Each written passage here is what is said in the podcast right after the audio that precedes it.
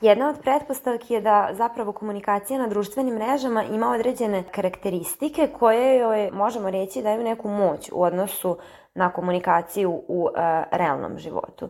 Naprimer, pretpostavlja se da osobe koje su povučenije i introvertnije su prijemčivije za komunikaciju na društvenim mrežama, odnosno online komunikaciju, jer ona ima određene specifične karakteristike e, koje daju e, korisniku kao neku moć na tom komunikacijom.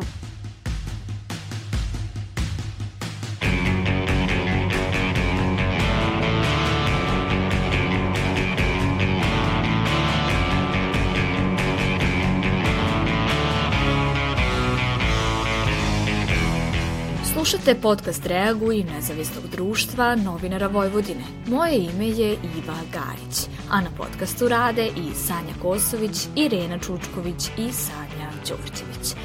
Da li koristite društvene mreže?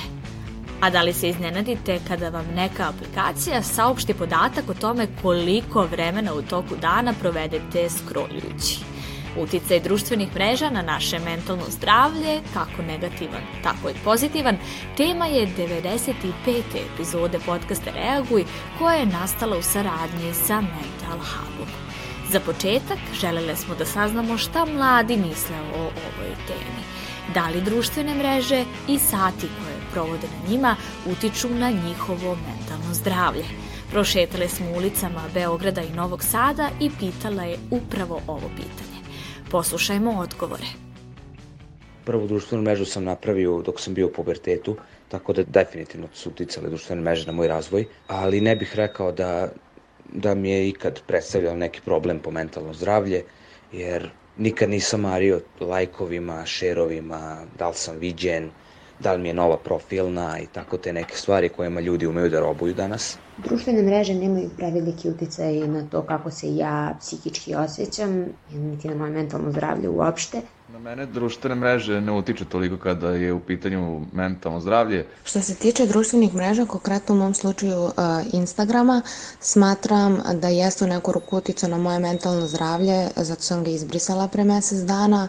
Mislim da kad je reč o tome ovaj, kakav uticaj ima na mentalno zdravlje, prvo pitanje koje treba da pitamo kako mi uopšte koristimo društvene mreže, a, jer ih koristimo da se dopisujemo sa prijateljima, da, da naučimo nešto a, što mi smatramo za korisno, da vidimo koji su u našoj profesiji recimo neki novi trendovi um, ili bukvalno samo scrollujemo feed do, do iznemoglosti. Prvi da utiču i naravno i dobro i loše, s tim što te nekako loše strane sam uspela proteklih godinu, godinu i po dana da smanjim i dovedem na minimum. Što se tiče Facebooka, jedno vreme sam malo više pratio Facebook, tamo je baš strašno jer ima svakakvih uh, vesti, one clickbait i tu piše sve i svašta, bukvalno može da se vidi tako da može loše da utiče na mentalno zdravlje. Uh, Što se tiče Instagrama i TikToka, TikTok malo slabije pratim, a Instagram takođe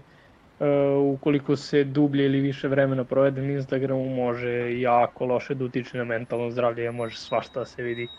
Čuli smo mlade, a šta kažu eksperti? Kako objašnjava socijalna psihološkinja Bojana Bodroža, uticaj upotrebe društvenih mreža na nas zavisi od načina na koji ih koristimo. I ono što danas prilično pouzdano znamo iz istraživanja jeste da upotreba društvenih mreža na, na način koji mi zovemo aktivnim načinom, a to je za uspostavljanje komunikacije, deljenje sadržaja i tako dalje, e, da u principu e, nije štetna za sliku o sebi ili mentalno zdravlje ili čak može biti i korisna. Dakle, tu su rezultati donekle podeljeni, ali svakako ta, takva, takav oblik upotrebe nije štetan e, za, za ovaj pojedince. Ali sa druge strane, ono što jeste štetno jeste ono što nazivamo pasivnom upotrebom, koja se svodi na to da ste vi zapravo izloženi određenim sadržajima, da ih e, samo gledate i najčešće zapravo ono što se dešava je da kada ljudi gledaju različite sadržaje na društvenim mrežama, da se oni porede sa drugim ljudima. E sad to u vezi sa čime će se porediti može da zavisi, naravno. Naprimer, mogu se po, porediti sa e, drugim ljudima po izgledu, jel? pa u tom smislu mogu one preterano atraktivne fotografije, naročito one nerealno atraktivne atraktivne fotografije drugih ljudi da budu loše za naše samopouzdanje za ovaj u vezi sa fizičkim izgledom, ali to može da bude i recimo poređenje sa tuđim stilom života gde mi posmatramo recimo mnoge druge ljude koji dele sadržaje, na primjer da negde putuju, da žive, da ostavljaju utisak da žive nekim izuzetno zanimljivim životom gde mi zapravo možemo da se osjećamo da naš život nije dovoljno ispunjen i tome slično. Znači, takva vrsta upotrebe zapravo istraživanja nam pokazuju da uglavnom ima neke loše ove posledice po korisnike, po njihovo mentalno zdravlje, sliku o sebi i tome slično. Međutim, ponekad u ovom kontekstu nije lako utvrditi šta je uzrok, a šta posledica. E, odnosno, da li je zaista upotreba društvenih mreža vodi do ovih posledica ili zapravo osobe koje već a priori imaju negativnu sliku o sebi i tome slično, koriste društvene mreže na način koji će još dodatno da učvrsti takvu sliku o sebi. Dakle, ako govorimo na primjer o fizičkom izgledu, da li osobe koje već a priori nemaju samopouzdanja, e, koje ne veruju da su fizički atraktivne, više gledaju sadržaje, odnosno e, atraktivne fotografije drugih, što opet im na povratni način jel, deluje na njih da se osjećaju još lošije. Dakle, taj aspekt e, u istraživanjima nije do kraja razjašnjen i moguće je zapravo da postoji jedan i drugi smer uticaja. Takođe, postoji neki štetni aspekti društvenih mreža koji ne zavise nužno samo od nas i naše upotrebe mreža. To su fenomeni kao što je cyber nasilje ili sexting uh, među nekim najčešćim. Dakle, mi nekada ne moramo činiti ništa posebno da to dozovemo i da dovedemo do toga, a da nam se desi i znamo da takvi fenomeni definitivno jesu šteti za, štetni za uh, osobu i imali smo prethodnih godina i neke drastične primere ovaj, ljudi koji uh, u nekim krajnjim instancama čak i pred, preduzimaju neke stvari protiv samih sebe, na primjer izvrše samoubistvo zbog uh, nasilja koje trpe između ostalog i na društvenim mrežama. Našu sagovornicu, socijalnu psihološkinju Bojanu Bodrožu, pitali smo i koliko za naše mentalno zdravlje mogu biti korisne grupe na društvenim mrežama na kojima možemo podeliti svoja iskustva sa drugima tu takođe treba biti vrlo oprezan. Zapravo sa jedne strane ljudima može po, pomoći saznanje da nisu jedini sa nekim problemom uh, i da je to sa čime se suočavaju šta god je u pitanju, da je to nekako nešto što i drugi ljudi doživljavaju. Znači ta saznanje može da bude donekle olakšavajuće kao i samo deljenje iskustava sa drugima. Međutim, to saznanje često neće rešiti problem. Vrlo često problemi koji postoje kod ljudi, sad ne možemo govoriti uopšteno, problemi su vrlo raznoliki, ali vrlo često su problemi dublji, nisu samo ono što mi vidimo na površini. I ti dublji problemi neće biti rešeni nikakvim čitanjem sadržaja na društvenim mrežama, deljenjem iskustava i tako dalje. Dakle, socijalna podrška ume biti značajna, ali ne, ne treba očekivati previše. Ja naročito bih istakla da razne grupe na kojima se dele sadržaji koji bi trebali da budu e, edukativnog ili savetodavnog tipa, zapravo vrlo često takve stvari pišu i lica koje nisu dovoljno kvalifikovana za tako nešto. Međutim, svakako ima i pozitivnih primera među ovakvim grupama. I ono što se meni recimo dopalo, jedan, jedna od grupa koju ste ovaj, spomenuli o mentalnom zdravlju uz kavu, zapravo imaju e, dosta dobar disclaimer na svojoj stranici, međutim to neće pročitati veliki broj korisnika, gde oni kažu kako e, njihove postove u grupi zapravo pišu edukovana lica, ali da oni ne mogu da garantuju da su oni koji komentarišu i tako dalje, ljudi koji imaju određene kompetencije i da zapravo takvi komentari ne trebaju da se uzimaju kao um, neki legitiman savet. E sad, ta demokratizacija razmene informacija koju nam je doneo ovaj, internet dovela je upravo to toga da svako može da napravi stranicu i da se predstavlja kao um, edukovan za neke teme, što ne mora nužno da bude i to ima zaista brojne posledice u svim domenima, pa i vezano za mentalno zdravlje. Znači, to je nešto što može da bude donekle korisno, u smislu osoba će pročitati i informisati se, ali niko neće rešiti neke dublje uh, probleme čitanjem tekstova na internetu. Dakle, svakako je savet da ako ljudi osete da imaju probleme sa kojima se nose, da se obrate stručnom licu i da ne očekuju, da nemaju prevelika očekivanja od toga da će čitajući određene stvari na internetu da će njima samima biti bolje.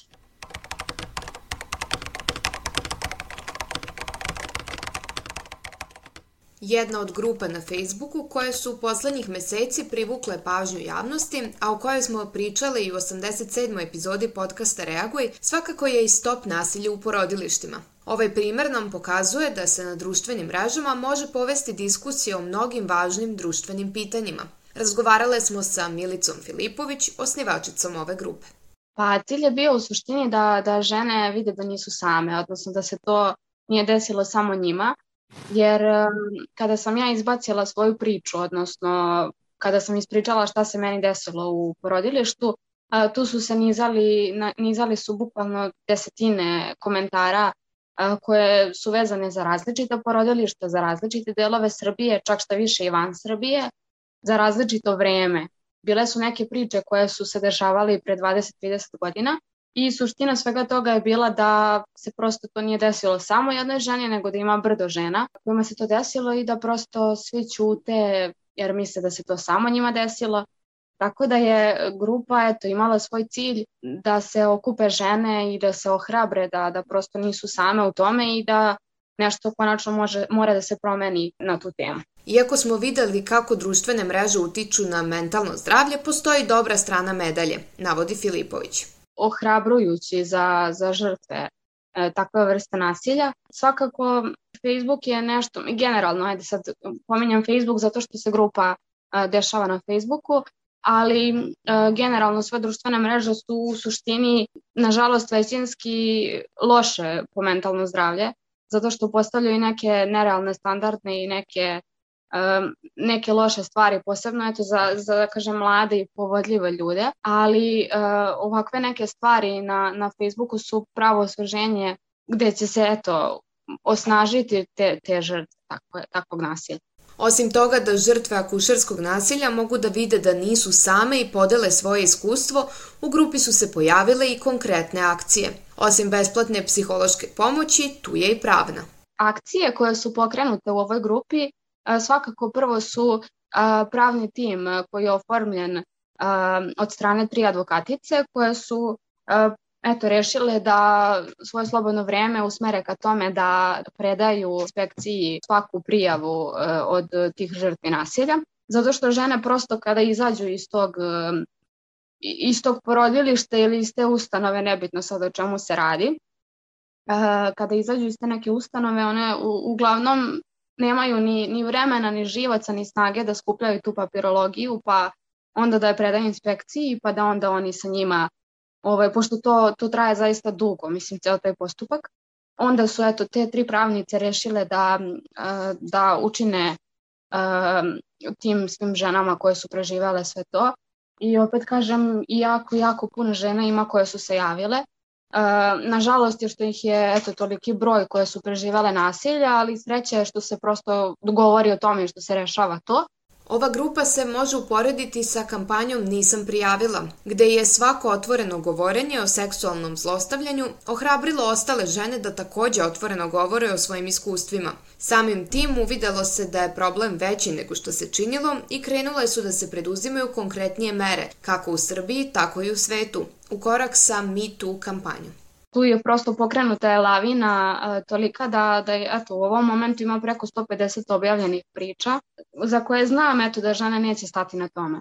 Jer, ovaj, jer to prosto, prosto sve te neke situacije probude toliki bes da, da si u stanju da ideš do kraja šta god da bilo. Tako da, ovaj, pošto to svakako nije tretman koji, koji bilo ko zaslužuje.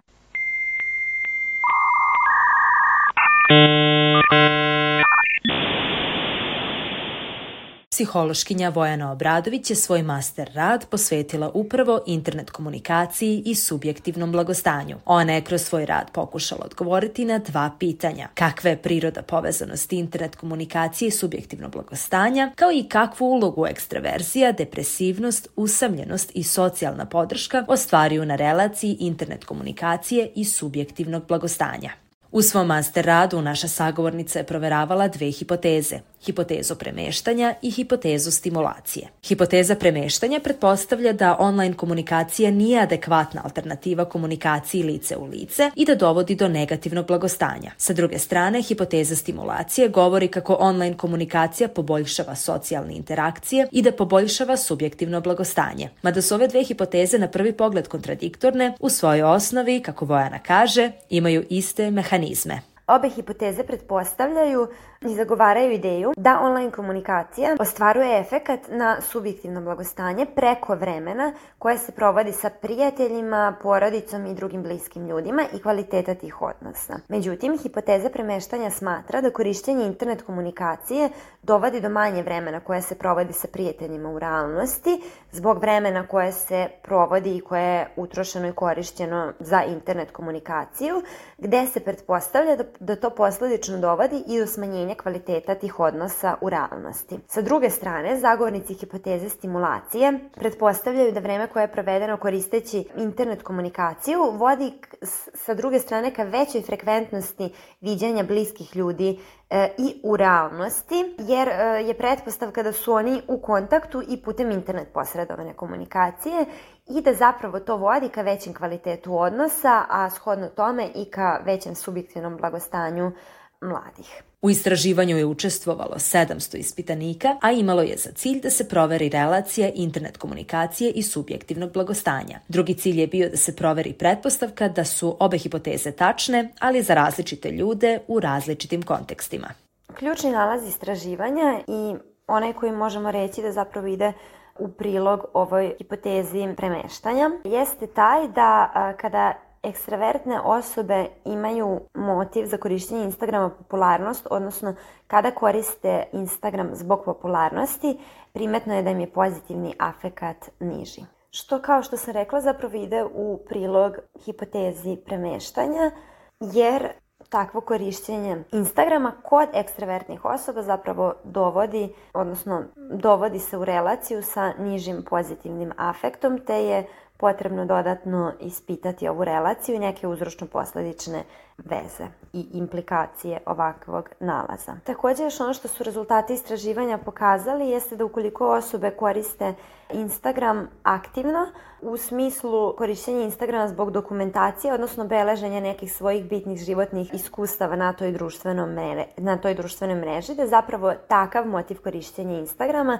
značajno pozitivno povezan i sa zadovoljstvom životom i sa pozitivnim afektom, dok je sa druge strane pasivno korišćenje Instagrama, odnosno jedan od motiva korišćenja Instagrama koji mogu da se svrstaju u pasivne aktivnosti korišćenja Instagrama, praćenje aktivnosti drugih znanje o drugima, značajno pozitivno povezan sa negativnim afektom, te bi ovakvi e, nalazi istraživanja zapravo išli u prilog onoj distinkciji između aktivne i pasivne uh, upotrebe društvenih mreža koju sam prethodno pominjala. Obradović za podcast reaguje objašnjava i zbog čega je online komunikacija specifična. Jedna od pretpostavki je da zapravo komunikacija na društvenim mrežama ima određene karakteristike koje joj možemo reći daju neku moć u odnosu na komunikaciju u e, realnom životu.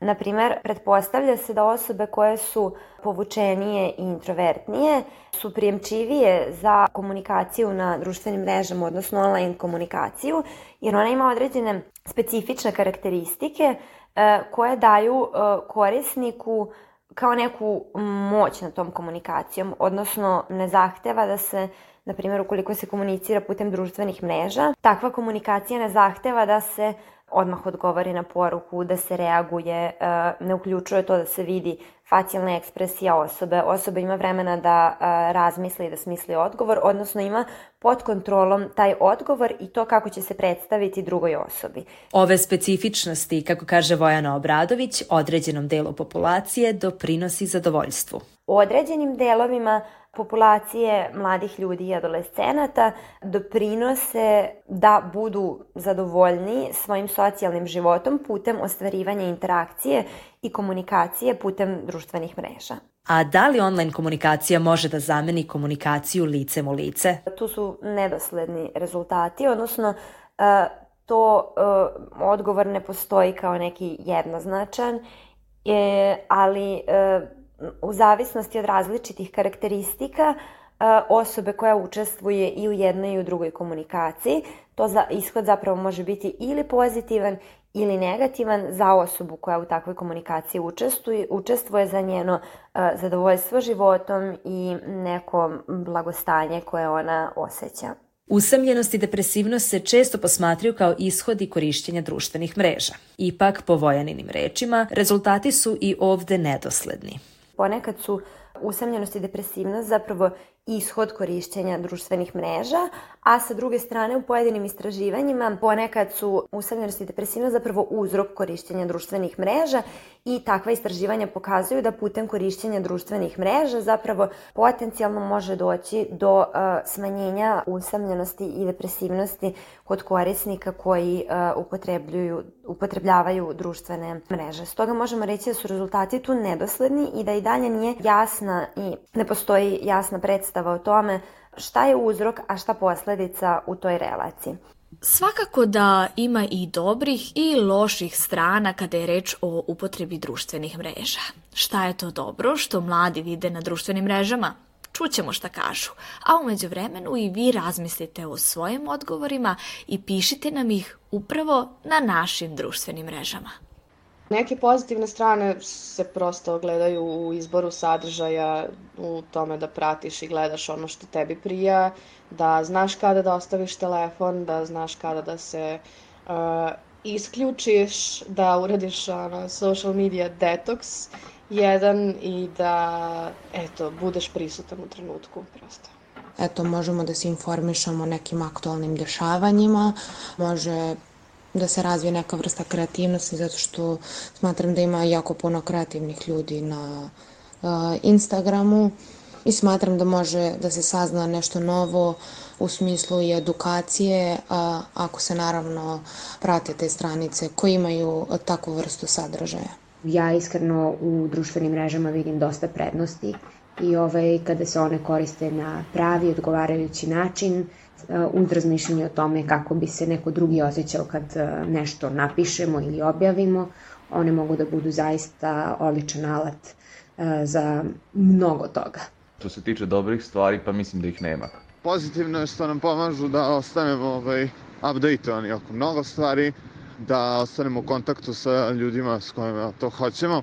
Što se tiče dobrih stvari, baš kada pričam o mentalnom zdravlju, izdvojila bih to da ukoliko nađemo prave kanale, aktere, ljude, stranice, mnogo postoji a, stvari koje nam mogu pomoći kada se osjećamo loše, tužno, uznemireno i tako dalje, da ne pričamo o tome da možda možemo biti u komunikaciji sa nekim ko bi nam u tom trenutku a, trebao i značio, a da nije fizički pored nas, pa mislim da su društvene mreže u tom smislu super. A što se tiče dobrih strana društvenih mreža, možda je ta komunikacija između ljudi e, može kao da se navede kao prednost, e, možda možete vidjeti neke lokacije gde želite da odete ili tako nešto.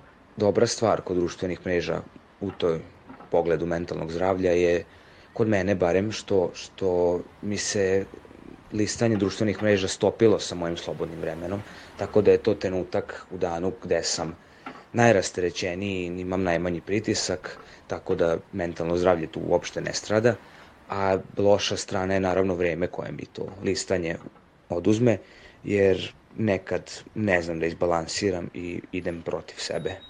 Često se desi da upravo, kao što je rekao naš sagovornik, idemo protiv sebe i na društvenim mrežama provedemo sate. Poslušajmo koje su to još negativne strane upotrebe društvenih mreža za mlade. Što se tiče loših strana, verujem da ih je puno više nego ovih dobrih.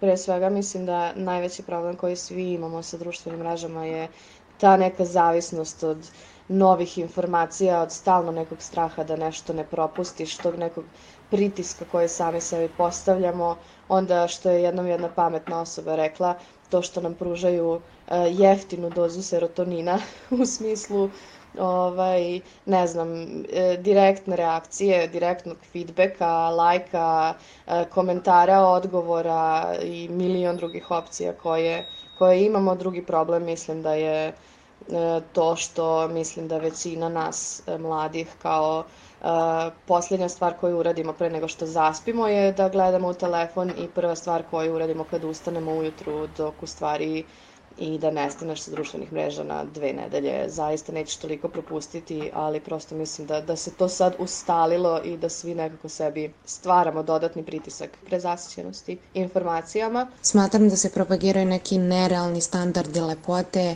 uh, koji mogu da utiču na samoupoznanje kako devojaka, tako i muškaraca. Uh, smatram da se jako puno vremena troši pretražujući glavnu stranu Instagrama, i gledajući tuđe živote koji su takođe u neku ruku nerealni. Što se tiče loših stvari, mislim da se ljudi često poistovećuju kada vide ne znam, neke poznatije ličnosti ili influencere, kako oni žive, pa onda i oni smatraju da treba tako, a nisu u mogućnosti. Ne mogu da kažem da uopšte nema nekog uticaja, jer primećujem kad sam ja ranjivija zbog nekih stvari u životu van društvenih mreža, neki negativni komentari, objave i slično mogu negativno da utiču na moje mentalno zdravlje, ali s druge strane kad se ja osjećam psihički rasterećenom i slično, uh, neki drugi komentari i objave, kontakt s drugim ljudima mogu da doprinesu da se ja osjećam još bolje. Tako da mislim da je to sve individualno i da zavisi od osobe do osobe. Često nam pokazuje neku uh, iskrivljenu sliku realnosti to nas tera na neko automatsko poređenje koje e, ne može da bude opravdano zato što se ne poredimo sa nečim realnim.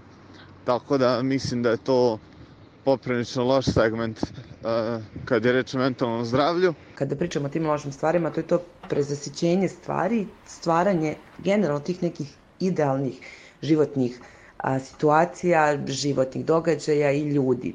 Nekako a, nije baš sve tako kako izgleda na društvenim mrežama i vrlo sam sretna što sam uspela da ovaj, se nekako odvojimo od tog sveta koji je idealan i prezentovanje na kraju kreva same sebe kao idealne na društvenim mrežama. Ono što sam još počela da radim, što mi je dosta pomogla, to je da pred spavanje ne scrollujem društvenim mrežama, ostavljam telefon i posvećujem se čitanju knjiga, što dugo, dugo nisam radila. Dugo je moj a, dan počinjao sa prvo je paljenje telefona i gledanje društvenih mreža, a tako se i završavao i to mi je veoma pomoglo, jer nekako to je sad vreme za mene, neko kvalitetno vreme bez toga ko šta radi, gde je šta, šta se dešava i ostalo, tako da bih se zvolila to prezacijenje i to stvaranje neke idealne slike o svemu što nije realno Za kraj, psihološkinja Bojana Bodroža podelila je sa nama nekoliko saveta o tome kako na najbolji način možemo iskoristiti mogućnosti koje nam društvene mreže pružaju. Prva i osnovna stvar uh, jeste to da kažemo da umore, umerena upotreba je uvek dobrodošla. Dakle, svi istraživački nalazi nam pokazuje da je i nasilje, odnosno da neko postane žrtva uh, upotrebe društvenih mreža i mnoge druge štetne posledice su učist, uh, učestalije kod osoba koje na dnevnom nivou više koriste društvene mreže. Dakle, što više ih koristi, koristite, što više ste involvirani u same društvene mreže, zapravo je veća, veća šansa a, da ćete negde a, doživeti i neke negativne stvari vezane za njih. E sad, a, teško je reći šta bi bili neki dodatni a, korisni saveti, naročito ako mi imamo u vidu to da mi možemo aktivno da koristimo, znači za komunikaciju, za deljenje sadržaja, što je nešto što je pokazano kao korisno ili bar neutralno. Međutim, mi smo, što više koristimo, mi smo istovremeno i izloženi pasivno različitim sadržajima. Tako da to ne možemo odvojiti jedno od drugog. Postoje brojni načini na koji se društvene mreže mogu iskoristiti na koristan način i, i neće biti ništa novo ako kažem, jel, pored uh, komunikacije, jel, uh, informisanje, čak i učenje, znači sve zavisi od toga zapravo šta je ono što vi radite na društvenim mrežama i neki najopštiji savet bi bio ne preterivati, znači što više upotrebe to su, to je veća šansa za negativne posledice i ja ću da istaknem samo još jednu stvar, uh, nešto do čega smo mi došli u našim istraživanjima, to je zapravo da je najveći rizik od štetnih e, posledica e, upotrebe društvenih mreža zapravo kod onih osoba koje imaju doživljaj da kada koriste društvene mreže da se osjećaju bolje, e, da su zapravo bolje osobe na društvenim mrežama nego u ovom offline svetu. Dakle, one osobe koje zapravo negde neke potrebe koje nisu zadovoljili u offline svetu uspevaju da zadovolje u online svetu i onda se kao posledica toga osjećaju bolje. E, zapravo to to ljude vrlo lako uvlači u zavisnost i u neke druge, druge problematične aspekte upotrebe društvenih mreža. Ovim savetima završavamo 95. epizodu u kojoj smo govorili o uticaju društvenih mreža na mentalno zdravlje.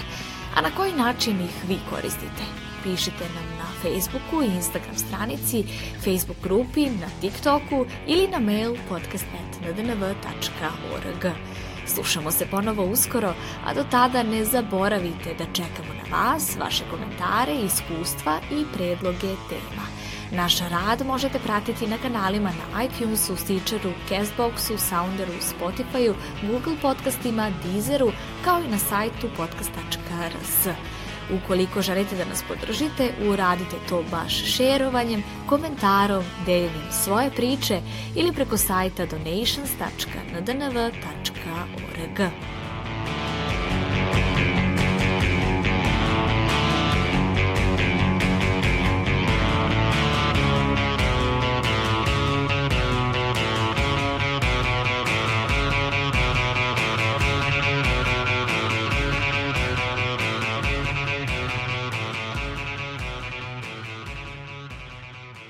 Podcast je nastao u okviru projekta Povezivanje ka većoj vidljivosti organizacija civilnog društva i većem učešću građana, koje realizuje Fondacija Ana i Vlade Divac uz podršku Balkanskog fonda za demokratiju, Nemačkog maršalovog fonda Sjedinjenih američkih država.